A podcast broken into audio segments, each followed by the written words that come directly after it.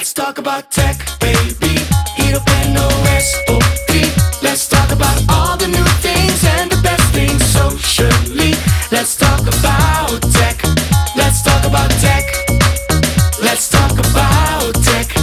NOS op 3.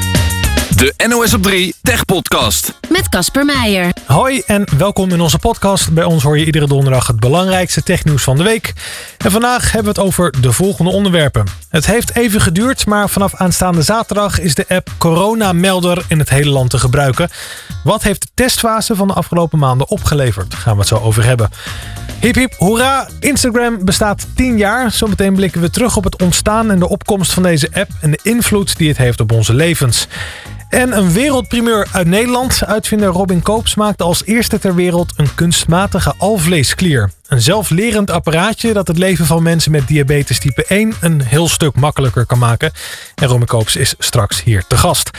Ook praat ik met social-redacteur Jonna Teveer en tech-redacteuren Nando Kastelein en Joost Schellevis. Ja, we hebben er een tijdje op moeten wachten, maar dit weekend is er dus zover. De app Coronamelder gaat live in het hele land. Eh, Joost is hier, Joost Schellevis. We hebben het hier al heel veel over gehad de afgelopen maanden. Twee weken geleden nog over waarom het zo lang heeft geduurd. Daar hoeven we het dus nu niet meer over te hebben, maar het is zover. En de app is de afgelopen tijd getest in een aantal regio's in het oosten van het land. Eh, wat is daar uitgekomen? Ja, het was eigenlijk een test, eh, ook een beetje een noodgedwongen test al die tijd, omdat de app eh, eigenlijk op 1 september landelijk live zou gaan. Maar dat gebeurde niet omdat de wet nog niet door de Eerste Kamer was. Uh, Ruimschoots niet.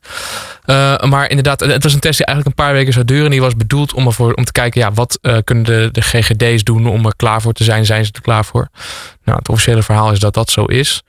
Ze zijn er klaar voor. Ze zijn er klaar voor. En wat ook nog wel interessant is, is, en dat zei de jongen dinsdag in de Kamer, dan moet ik even een percentage erbij zoeken, want dat had ik net per ongeluk weggeklikt, is het nut van de app. Daar is iedereen natuurlijk benieuwd naar. Kan het ook echt helpen om uh, besmettingen omlaag te brengen. Om ervoor te zorgen dat mensen die in de buurt zijn geweest van iemand met het virus.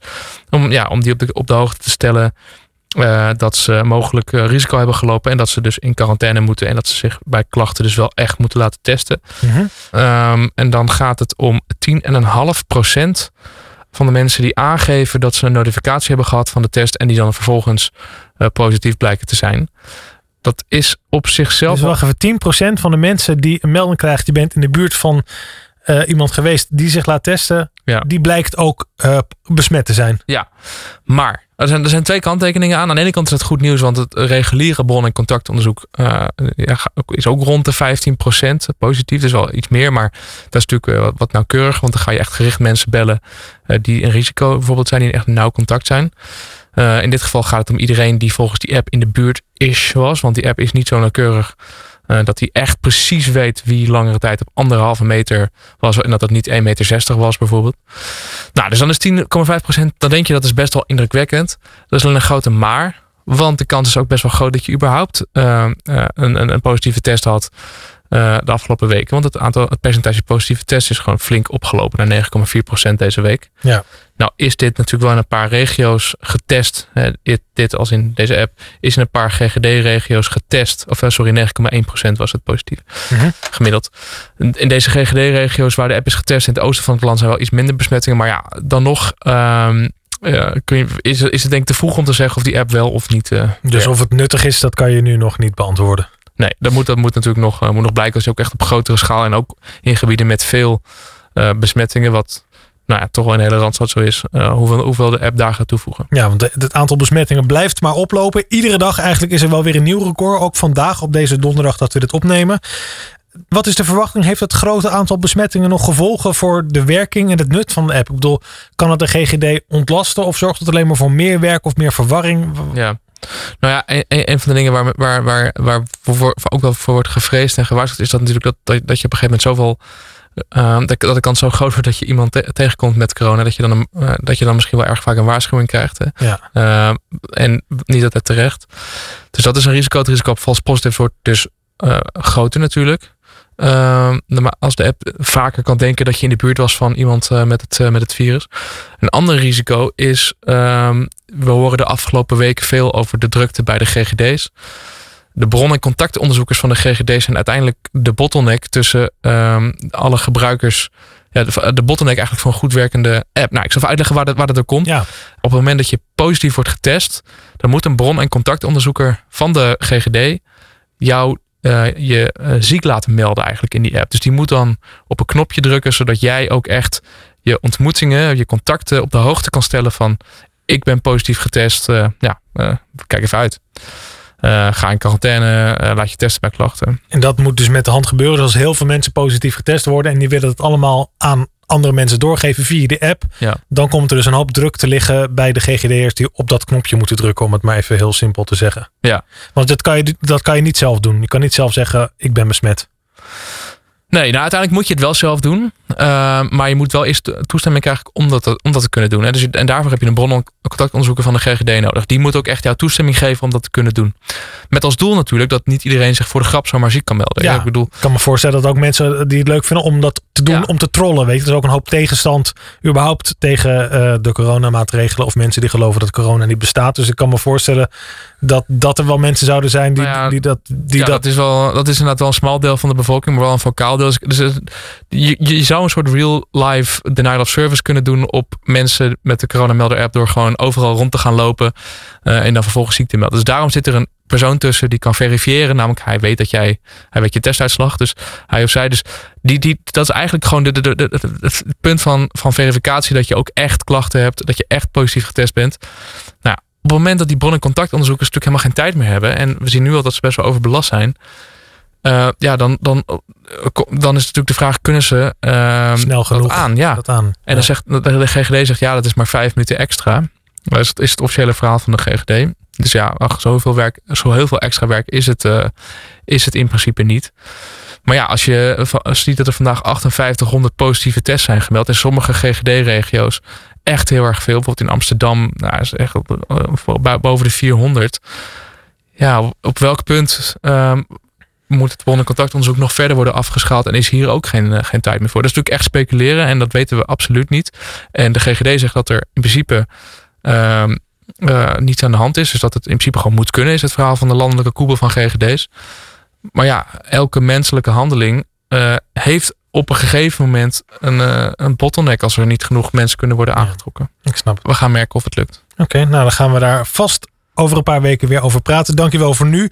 De app is te downloaden in de App Store en de Play Store. Het is niet verplicht. Heel duidelijk om, eh, heel belangrijk om erbij te zeggen. Het zal ook niet verplicht worden. Dat is een van de voorwaarden die in die coronawet is vastgelegd. Als je wil, kan je de app dus wel vanaf zaterdag gebruiken. Dankjewel Joost. Dan gaan we verder met een verjaardag die we deze week kunnen vieren. Instagram is namelijk 10 geworden. Over de roemruchte opkomst van de app en de invloed van ons, op onze levens ga ik het hebben met onze tech-redacteur Nando Kastelein en onze social redacteur Jonna Terveer. Welkom allebei, gefeliciteerd ook. Dankjewel. Dankjewel. Zometeen gaan we het er uitgebreid over hebben, maar ik wil even met dit beginnen. Mijn collega Anna Pruis die ging deze week de straat op om aan jongeren te vragen naar hun meest rare of gênante Instagram-ervaring. En dit is een kleine greep uit de reacties. Iets grappigs meegemaakt? Ja, nou, ik heb wel eens dronken iets erop gezet waarvan ik de volgende dag dacht: oh, waarom deed ik dat? Ik werd gewoon ook zo in zo'n groep gevoegd. Eh, plotseling DM'de een oude man mij en het eerste wat hij DM'de was een lul. Ja. Ja, dat is normaal blijkbaar. Ik kreeg een berichtje van een anonieme account. Diegene vroeg of ik over diegene letterlijk heen wilde lopen en op hem wilde stampen voor geld. ik zei uiteraard nee. Maar ik vond dat toch wel apart. Ik heb natuurlijk wel in mijn DM ooit eh, gekke mensen gekregen die eh, rare dingen vroegen, gewoon geld en zo. Ja, een hoop rare vragen. Is dit eh, voor jullie herkenbaar? Nee, echt helemaal niet. Wat, wat, ik ben echt, eh, ik heb hele brave mensen in mijn DM. Wat fijn. Ja, En jij Nando? Ja, ik herken het ook niet, maar ik gebruik de Insta-DM ook niet zo heel erg veel. Meer om commentaar te geven op foto's van vrienden. Of Ja. Insta-stories van vrienden. Nou, verder helemaal niet. Maar misschien zit ik in de verkeerde bubbel. Dat Ja, het- en, wat het meisje als eerste zei van wel eens een dronken foto gepost en dan eh, feeling cute, might delete later, toch maar even verwijderd? nee. Nee, maar ik denk, ik denk nee, ik ben ook, ook eigenlijk... erin, denk ik. Nee. Ja, of misschien te bewust. Oké, dat kan. Eh, Nando, neem ons even mee naar de begindagen van Instagram, tien jaar geleden. Hoe, hoe begon ja, die app? nou ja, Instagram bestaat dus tien jaar. Dus we gaan terug naar de tijd waarin eh, eh, telefoons weliswaar al een, een, een camera hadden, maar nog lang niet zo goed waren als nu. En in die tijd bedacht Kevin Systrom dat hij een app wilde ontwikkelen. Hij was echt een beetje ambitieus in. Ehm, en hij kwam eerst met de app Bourbon. Dat was een app waarbij het idee was ja, dat jij en je vrienden kon laten weten waar jij heen ging en dat je elkaar kon ontmoeten. Dat was een beetje een sociaal element erin. Nou ja, Bourbon, eh, dat was uiteindelijk niet wat het wat natuurlijk wat is geworden qua concept, maar dat heeft hem wel aan het denken gezet en leidde uiteindelijk ertoe dat Instagram eh, eh, werd geboren. eh, op eh, eh, volgens mij echt al begin 2010. Daar hebben ze natuurlijk een tijdje aan gewerkt. Nou ja, en vervolgens eh, ja, hebben ze de app ontwikkeld voor de iPhone en kwam die zo terecht in de App Store op 6 oktober 2010. En zo begon het ja, succes wat, eh, wat we natuurlijk allemaal kennen. En wat was de allereerste Instagram-foto ooit? De allereerste Instagram-foto ooit is uiteraard door Kevin Systrom zelf genomen. Mhm. En op de foto eh, is de voet te zien met een teensleper van zijn toen eh, vriendin, inmiddels vrouw. En een, een, een zandkleurige hond. Met volgens mij de, de, de, bijgele- de bijgeleide tekst test. Ja, opmerkelijk. simpel wil je het hebben? De eerste video op YouTube had ook te maken, was ook in een dierentuin, had te maken met een dier. Ik vind het ook wel grappig dat daaruit blijkt ook wel dat hij totaal natuurlijk niet had verwacht dat dit zo'n mega business zou worden, zijn, zijn app. Want uiteindelijk zijn het natuurlijk jongens die dat bedenken. En, en nooit kunnen vermoeden dat ze daar zoveel invloed mee kunnen hebben en zoveel geld mee kunnen verdienen. Maar misschien is wel de oproep aan mensen die een start-up hebben: denk na over, Over je eerste, over je eerste eerste, wat dan ooit. wat je de wereld in gooit. Ja, w- wat is, eh, denk je Nando, de reden voor het grote succes van Instagram? Zijn dat die filters? Ja, dat is een hele goede vraag. Want ik denk dat er meerdere dingen spelen. Ehm, wat allereerst natuurlijk speelt is dat het eh, Instagram lukte eh, om een, een creatieve groep mensen aan te boren die de app ging gebruiken. De app was natuurlijk in, bedenk, de app was ontzettend simpel vergeleken met wat je nu hebt. Het was puur vierkante foto's plaatsen met een leuk filtertje. En dat werkte, dat, dat werd een succes. En, en dat, dat ging als een razende, ging dat door Silicon Valley heen en in dus andere delen van de wereld. Want nou ja, het bereikte mij dus al een maand nadat die app uitkwam. Ehm, en ja, je merkt gewoon, hè, soms dan heb je een app die aanslaat en dan heb je een, een netwerkeffect, waardoor je merkt dat allerlei andere mensen om je heen erop, eh, eh, erop gaan. Dus ik denk misschien wel dat, dat de simpelheid van de app een rol heeft gespeeld in de begindagen om het zo groot te krijgen. Ja, en anderhalf jaar na de start stond in één keer Mark Zuckerberg op de stoep. Ja. Dat, eh, eh, wat, wat, je, wat je merkt, als, als er zo'n app eh, in, in korte tijd razend populair wordt, dan heb je natuurlijk andere spelers op diezelfde markt die denken: hey, eh, dat kan als een concurrent voor ons worden, daar moeten we iets mee. Nou, dat waren toen Twitter en Facebook, die allebei interesse hadden. Eh, waarbij Facebook aan het langste eind trok, eh, onder meer, en dat is achteraf wel ironisch, dat Facebook de, de bedenkers, Kevin Systrom en Mike Krieger, onafhankelijkheid beloofde. En daarnaast natuurlijk ook een, flinke smak geld in aandelen van, van 1 miljard dollar. Wat toen een, werd gezien als astronomisch bedrag. En was die 1 miljard, was dat een goede deal met de kennis van nu, tien jaar of eh, 8,5 jaar later? Een ontzettend goede deal. Ja, zeker. Ik denk de, een van de beste deals die ooit zijn gesloten in Silicon Valley. Ehm, voor wie? Voor, de, voor? Instagram Omdat- of voor Facebook? Voor Facebook. Facebook heeft hier echt een gouden zet mee gedaan. Hè, want Instagram is ontzettend belangrijk tegenwoordig. Eh, in bepaalde groepen natuurlijk veel belangrijker dan Facebook inmiddels.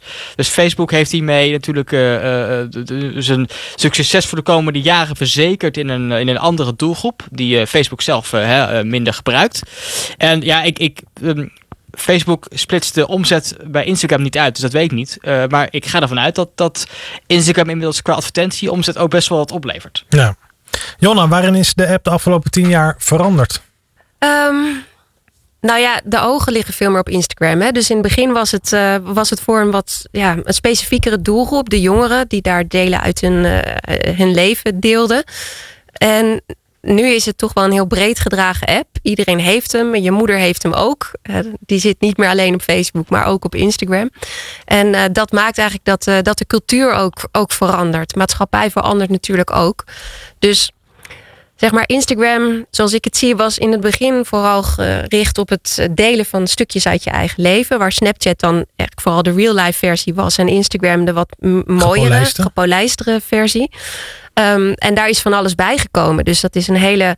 eh, influencers hebben het, eh, hebben het omarmd eh, in het begin om, om zichzelf als product neer te zetten. Bijvoorbeeld door het uiterlijk, met hun uiterlijk of met de kleren die ze wilden dragen. Dat waren mensen die bij het, grote publiek, modepubliek, niet bekend waren, of bij de grote modehuizen. Maar die op, op Instagram zelf een grote schare volgers hadden. En eigenlijk zeg maar de popsterren werden van, ja, van, van, to- van toen. En daar ook echt imperium hebben kunnen opbouwen. Neem Kylie Jenner bijvoorbeeld, die haar eigen make-up eh, imperium heeft opgebouwd. Voor een heel groot deel, ja, ook dankzij natuurlijk eh, de Keeping Up with the Kardashians eh, Mhm, serie. mhm. Maar voor een heel groot deel ook door haar entrepreneurship op Instagram te tonen. Eh, of de, de fit girl, fit boy eh, eh, het beweging. Waarbij je ja, door gezond te leven of, of, of te sporten jezelf ook weer kon neerzetten. Dus jij zelf bent het product of wat je aan hebt. En daar kan je veel geld mee verdienen. Wat je nu juist vooral ziet, hè, als, als omslag eigenlijk, is dat. Hoewel Instagram nog steeds een plek is om ja, de mooie kanten tussen aanhalingstekens van het leven te delen, zie je nu juist ook de andere kanten van het leven gedeeld worden. Dus er is al een tijd een beweging gaande eh, over body positivity. Dus eh, op een andere manier naar jezelf kijken dan alleen maar het perfecte plaatje en dat ook durven benoemen. Dus je hebt nu veel eh, invloedrijke personen op Instagram die bekend zijn geworden doordat ze hun workouts deelden, doordat ze hun eh, rij, hè, hun prachtige uiterlijk op stranden en reisjes deelden. Die nu eh, zeggen dat ze worstelen met anorexia. Of eh, iemand die ik volg, die volgens mij heeft ze ook meer dan een miljoen volgers, die heel openhartig is over haar depressie. Ehm, maar ook mensen die het hebben over hun lichaam wat niet perfect is volgens de beautynorm. Dus eh cellulitis bespreekbaar maken of eh, operatie die ze, die ze hebben, hebben gehad. En dan heb je het echt over beroemdheden die normaal gesproken dat soort dingen Altijd niet zo perfecte, snel juist het delen. perfecte plaatje delen. Juist het perfecte blaadje delen. Dus nou ja, goed, eh, eh, daar kan je ook dubbel over denken. Enerzijds is het, eh, kan je het zien als kwetsbaarheid en maakt het ook een medium wat persoonlijker en dichterbij. In plaats van de celebrity cultus. Oh ja, nee, dit gaat ook over mij. Ik voel me ook wel zo. Anderzijds eh, is het natuurlijk ook weer een verdienmodel. Want eh, ja, je, krijgt daar ook weer heel veel reacties op die juist weer jou als merk versterken. Ja, ja. En, en die, die perfecte foto's met filters op Instagram, daar is ook wel eh, kritiek op. Want ja, wat doet dat met ons zelfbeeld? Nou, er zijn inderdaad veel onderzoeken geweest. eh, Amerikaanse onderzoeken, Noors onderzoek onlangs nog. Eh, en daar komt wel uit naar voren dat het zelfbeeld van jongeren niet positief beïnvloed wordt over het algemeen door Instagram. Dat toch wel de helft van de jongeren, hangt een beetje af van welk onderzoek je kijkt, maar eh, zegt eh, ja, dat ze toch wel kampen met eh, bijvoorbeeld gevoelens van onzekerheid of, of, of, soms zelfs wel eh, worstelen met depressieve gevoelens. En eh, tijdlijnen hè, die dan neerzetten wanneer de introductie van Instagram was. En ook hoe de toename op, in psychische zorg is, eh, is gestegen bij jongeren. En dan kan je daar wel een parallel in zien. En eh, ja, jongeren benoemen dat, eh, dat ook. Maar dan heb je het echt over negatieve gevolgen. En ik wil daar wel een kanttekening bij maken. Want het, is, het verandert ook weer. Hè. De generatie die nu opgroeit, die, die, die nu nou ja, op eind basisschool... mag je eigenlijk nog geen Instagram hebben. Maar Vanaf 13 toch? Vanaf Begin- 13 brugklas, officieel. Ja. de ongeveer. Nou, die, kennen, die zijn geboren in een tijdperk dat er Instagram was. Die stonden als pasgeborenen misschien wel op Instagram eh, van het kanaal van hun ouders. Die kennen niks anders.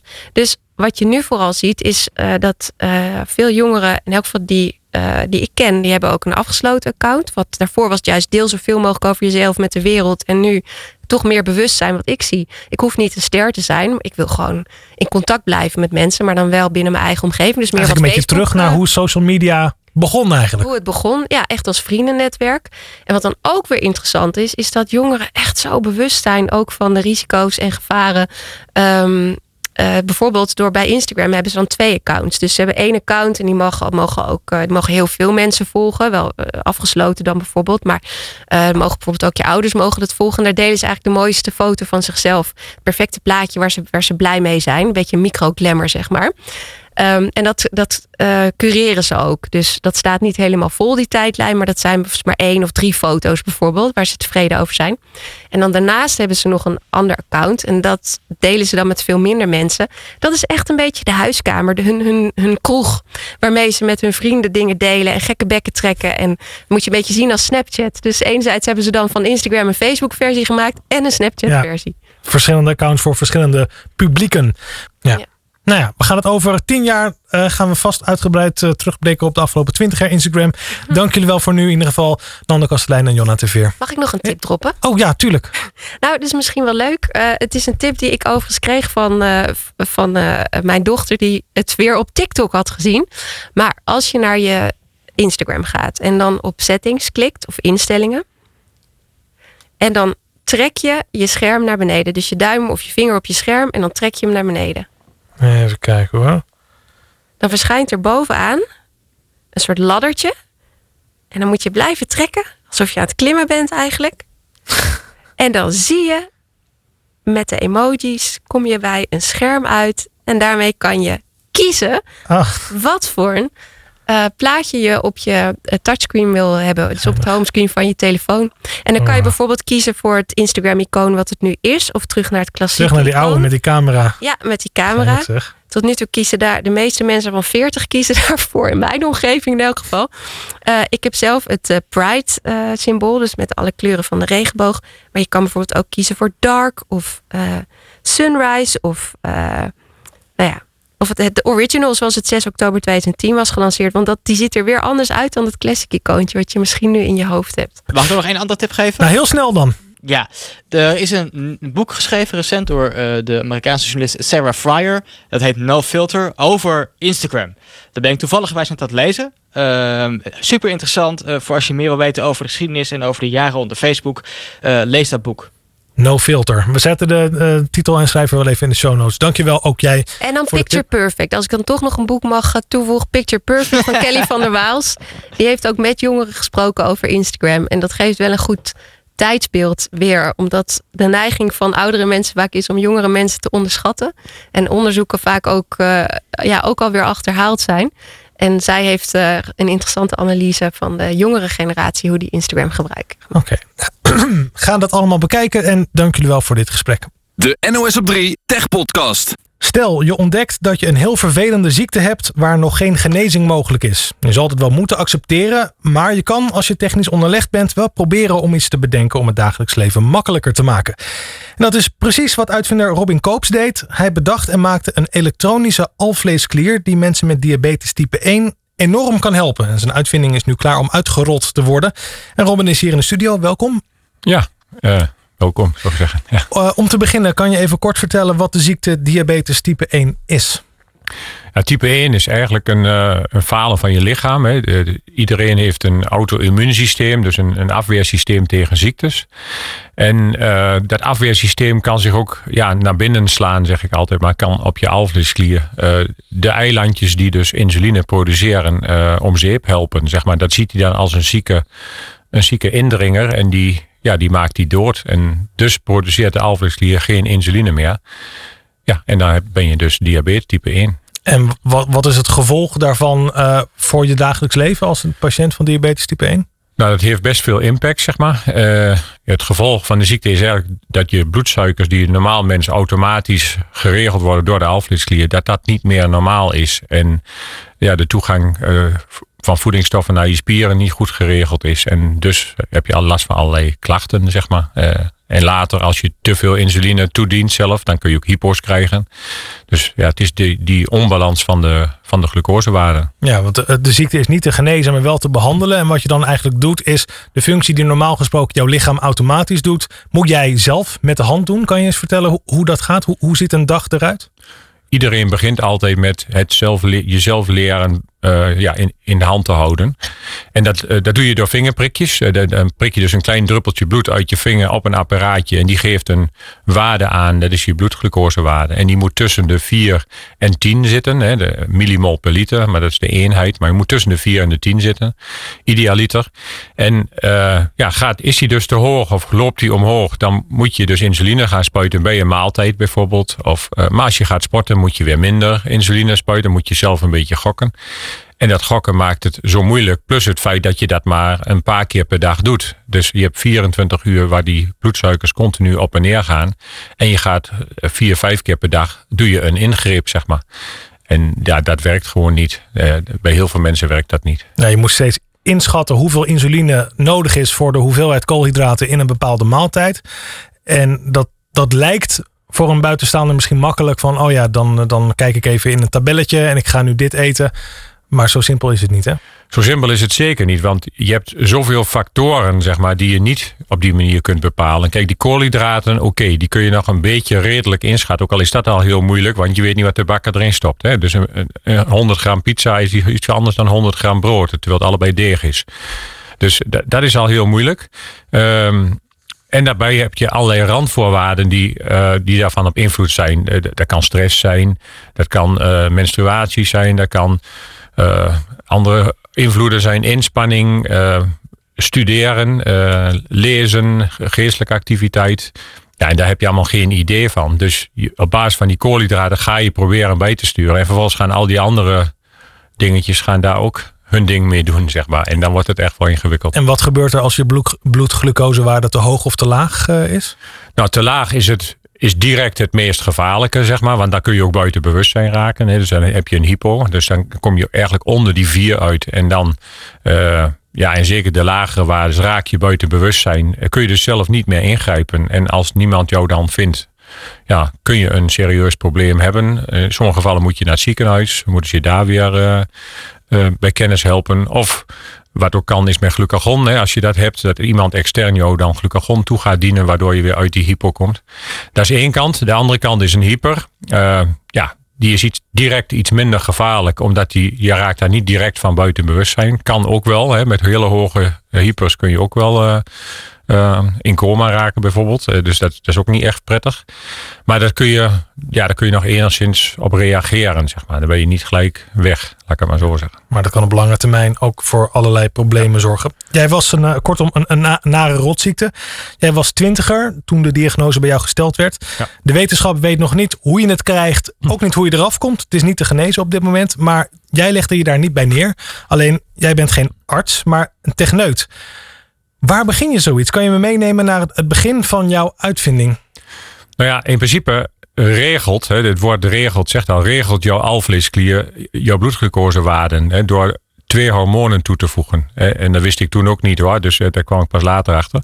Insuline wist ik wel, maar glucagon wist ik niet dat dat ook echt in de alvleesklier geproduceerd werd. Dat is een hormoon, even kort gezegd, ja. waarvan de suiker stijgt en insuline Precies. waarvan het daalt. Even heel simpel gezegd. Ja, correct. Dus, uh, dus het lichaam regelt dat met die twee hormonen. En uh, ja, dus als je iets wilt regelen, moet je ook twee kanten op kunnen. Je kunt een auto die je rechtuit wilt laten rijden en je kunt niet naar links sturen en alleen maar recht vooruit en naar rechts. Ja, dan ga je gewoon van de weg af.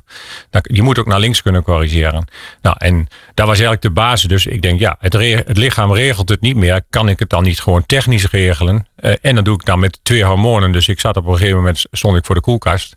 En toen zag ik dat glucagon. Ik denk, hé, hey, dat is om mij uit een hypo te halen.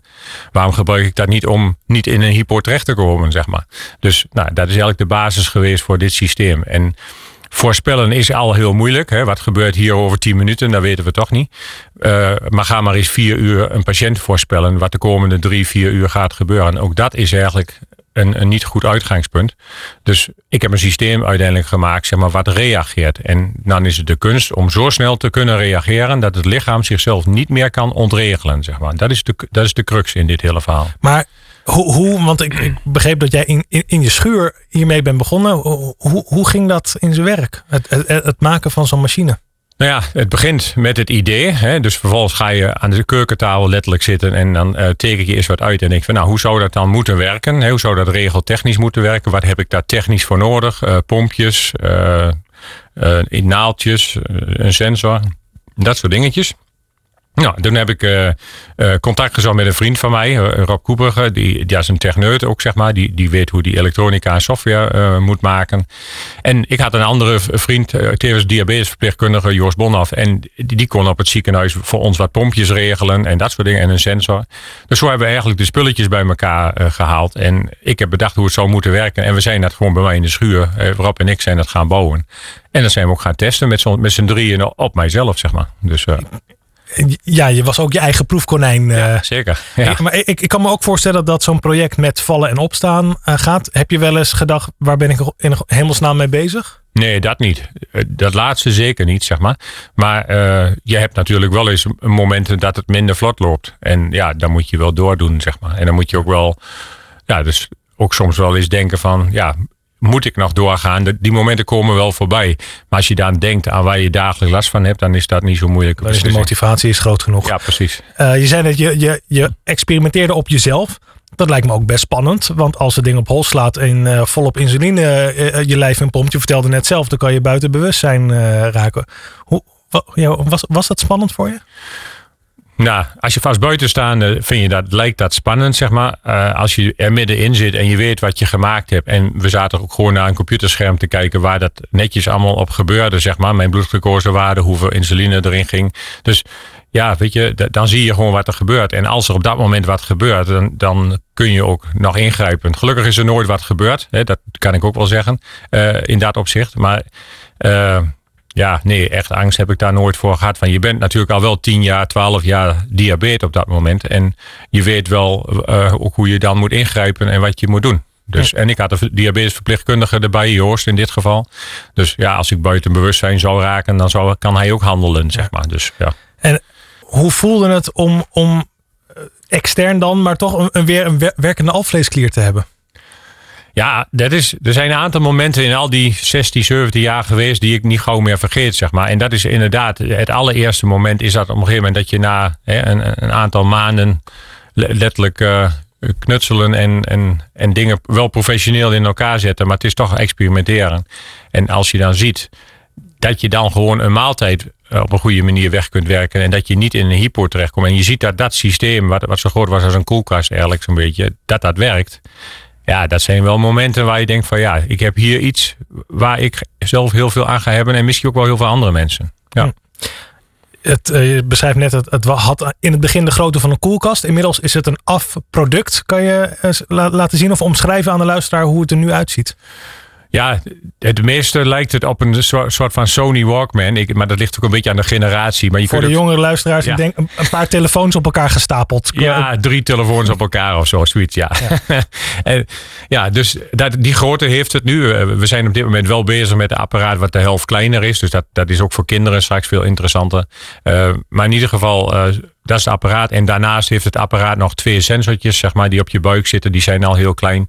En, eh, ja, en in combinatie met die twee sensoren en de twee hormonen, zeg maar, werkt het systeem. En ik draag het gewoon zelf aan mijn broekriem. En s'nachts heb ik het in een hemdje zitten op mijn buik en dan slaap ik gewoon. Je kan er ook mee, gewoon mee slapen. Ja, dat moet zelfs, want anders dan ga je s'nachts uit de bocht natuurlijk. dus, ja, eh, ja. ja. En eh, hoe, hoe, eh, het is een gesloten systeem. Hoe, hoe werkt dat dan? Ja, dit is dus eigenlijk wereldwijd het enige echte closed loop systeem wat er is, zeg maar. Waar de patiënt dus eigenlijk helemaal niks, of de gebruiker helemaal niks aan invoer hoeft te doen. Zeg maar hoogstens één keer per 24 uur een vingerprik. Maar voor de rest, het systeem is een gesloten systeem met het lichaam. En regelt de glucose automatisch bij. Dus, eh, en hoe werkt dat? Ja, door die metingen, die, die gaan draadloos naar het apparaatje. En wij meten met een hoge frequentie. Wij meten ook met twee sensoren. Waarom? Dat heeft eh, de e- e- enerzijds te maken met continuïteit, anderzijds met veiligheid. Hè. Als je één is geen, zeggen we in de techniek.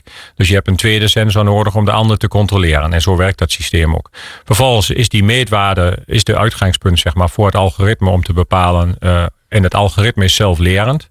Dus die is, in, die is na een week geïndividualiseerd, zeg maar. Dus na, elk apparaatje komt hetzelfde van de productielijn, maar bij jou is die na een week anders ingesteld dan bij mij. Eh, kunnen we ook niet wisselen. Eh, en dat is, ja, die, hij leert zich dus in op jouw levenswijze en jouw gevoeligheid voor die hormonen. En eh, daar regelt hij dan op bij, zeg maar. En als hij dus iets eet met veel koolhydraten, een patatje of pizza, pasta, dan moet je nog een seintje geven aan het apparaat. Nee, Ik ga nu wat eten. Nee, nee, nee, dat is dus helemaal weg. Maar dat gaan mensen vergeten, zeg maar. Hè, dus, en en dit, nu kun je het gewoon niet vergeten. Punt. Ja. Die sensoren die, die meten de, de glucosewaarde in het bloed. Hoe, hoe werkt dat dan? Hoe wordt dat dan gemeten?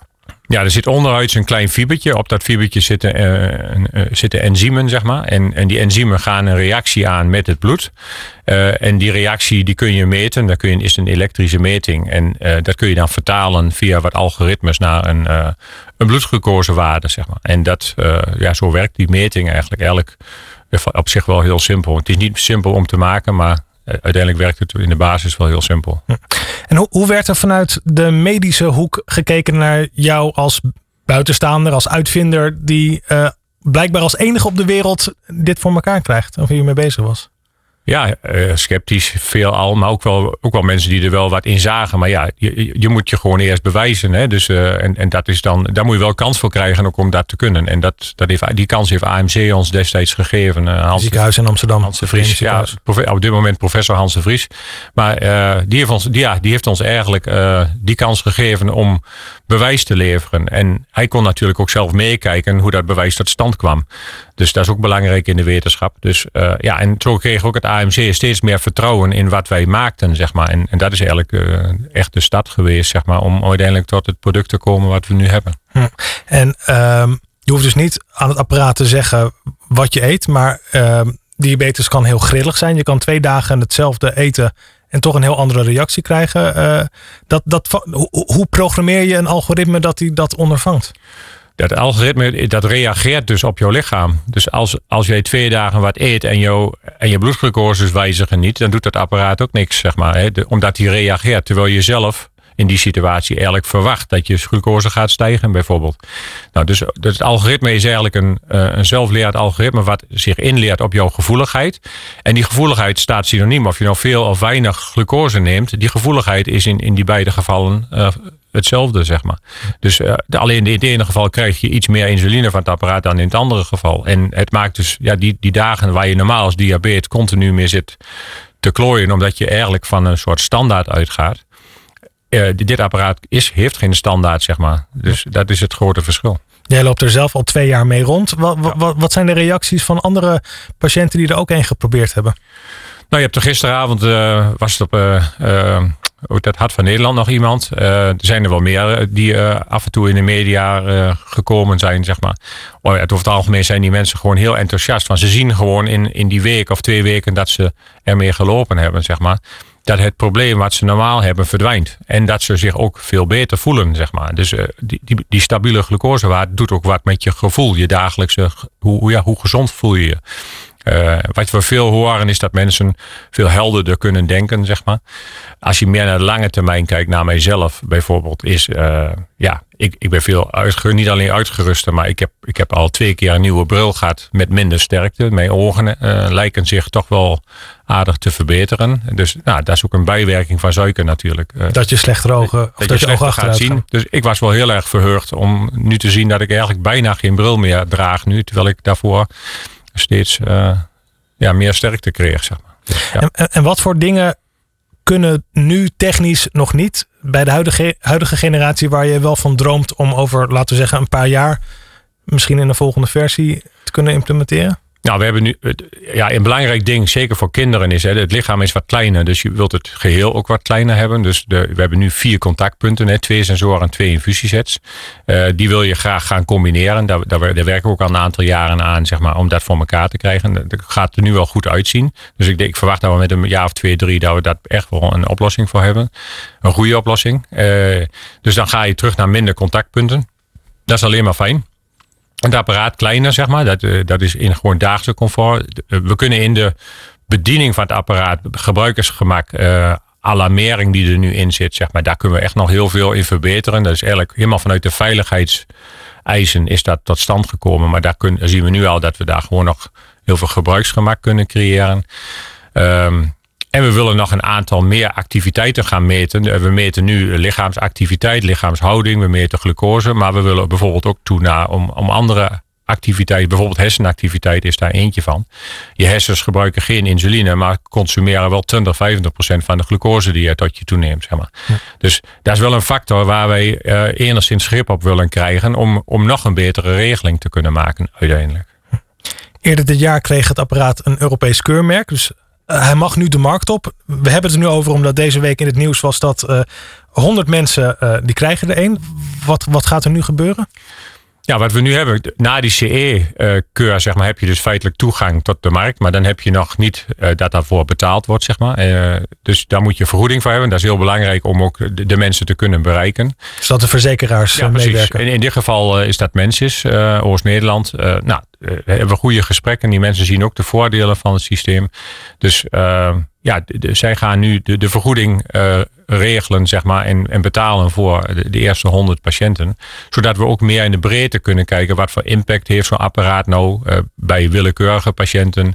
Hoe, wat voor impact heeft dat over een aantal jaren op de gezondheidszorg, eh, dat soort dingen, zeg maar. Hoe kan het nou dat er zijn zoveel mensen met diabetes, vooral type 2, maar ook veel type 1 over de hele wereld, dat, dat jij de enige bent op de wereld die, dit, die hiermee bezig is en die dit voor elkaar krijgt?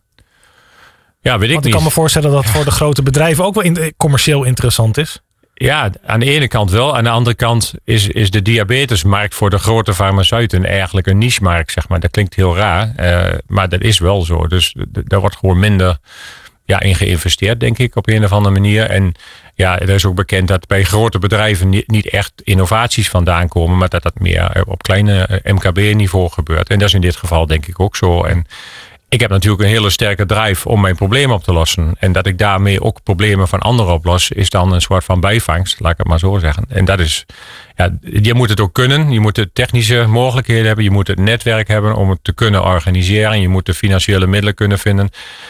Ja, eh, en je moet diabetes zijn, denk ik. en testpersoon.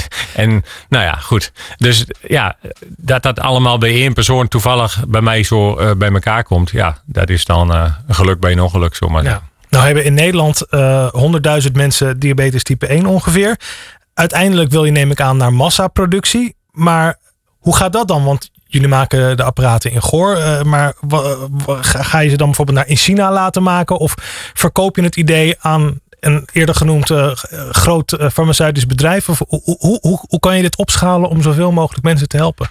Nou, dat willen we echt zelf doen, zeg maar. Daarom beginnen we ook klein. Hè. We zijn een niet zo'n groot bedrijf. We zijn ongeveer 50 mensen op dit moment. Daarom beginnen we met 100 mensen om, om, te- om, om al die systemen te kunnen testen en, eh, en, en eh, uit te proberen, zeg maar.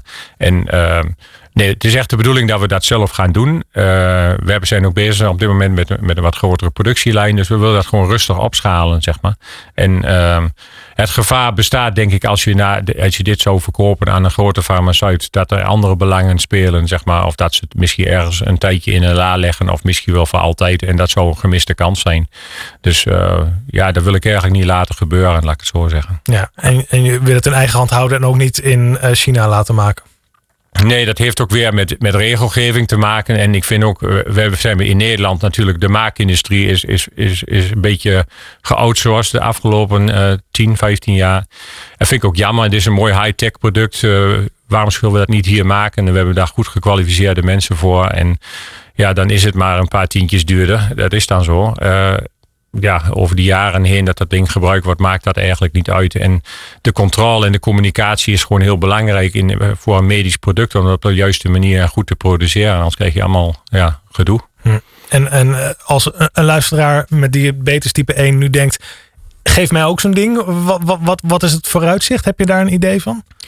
Ja, daar heb ik wel een idee van, maar daar kan ik nog niet al te veel en daar wil ik ook niet al te veel over zeggen. We, beginnen nu met, eh, met deze 100 mensen. Eh, ik denk dat er volgend jaar nog een, eh, wel een aantal bij gaan komen. Ik hoop dat we volgend jaar met andere verzekeraars ook vergelijkbare afspraken kunnen maken. En ja, dan moeten we ook gewoon kijken van ja, hoe gaan we dat opschalen en wat is mogelijk ook binnen het zorgbudget wat er is jaarlijks, wat, wat, wat, is, wat kan er en ja, daar moet gewoon realistisch in zijn. En we willen de prijzen nog wat eh, drukken, zeg maar, als het kan.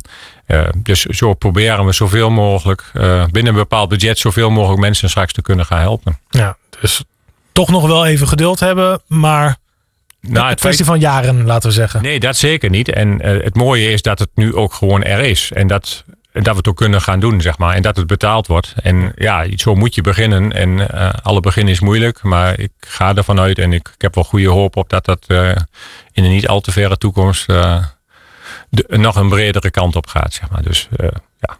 Ik zou zeggen, als je aan het klooien bent, nog steeds met je diabetes, hou nog heel even vol.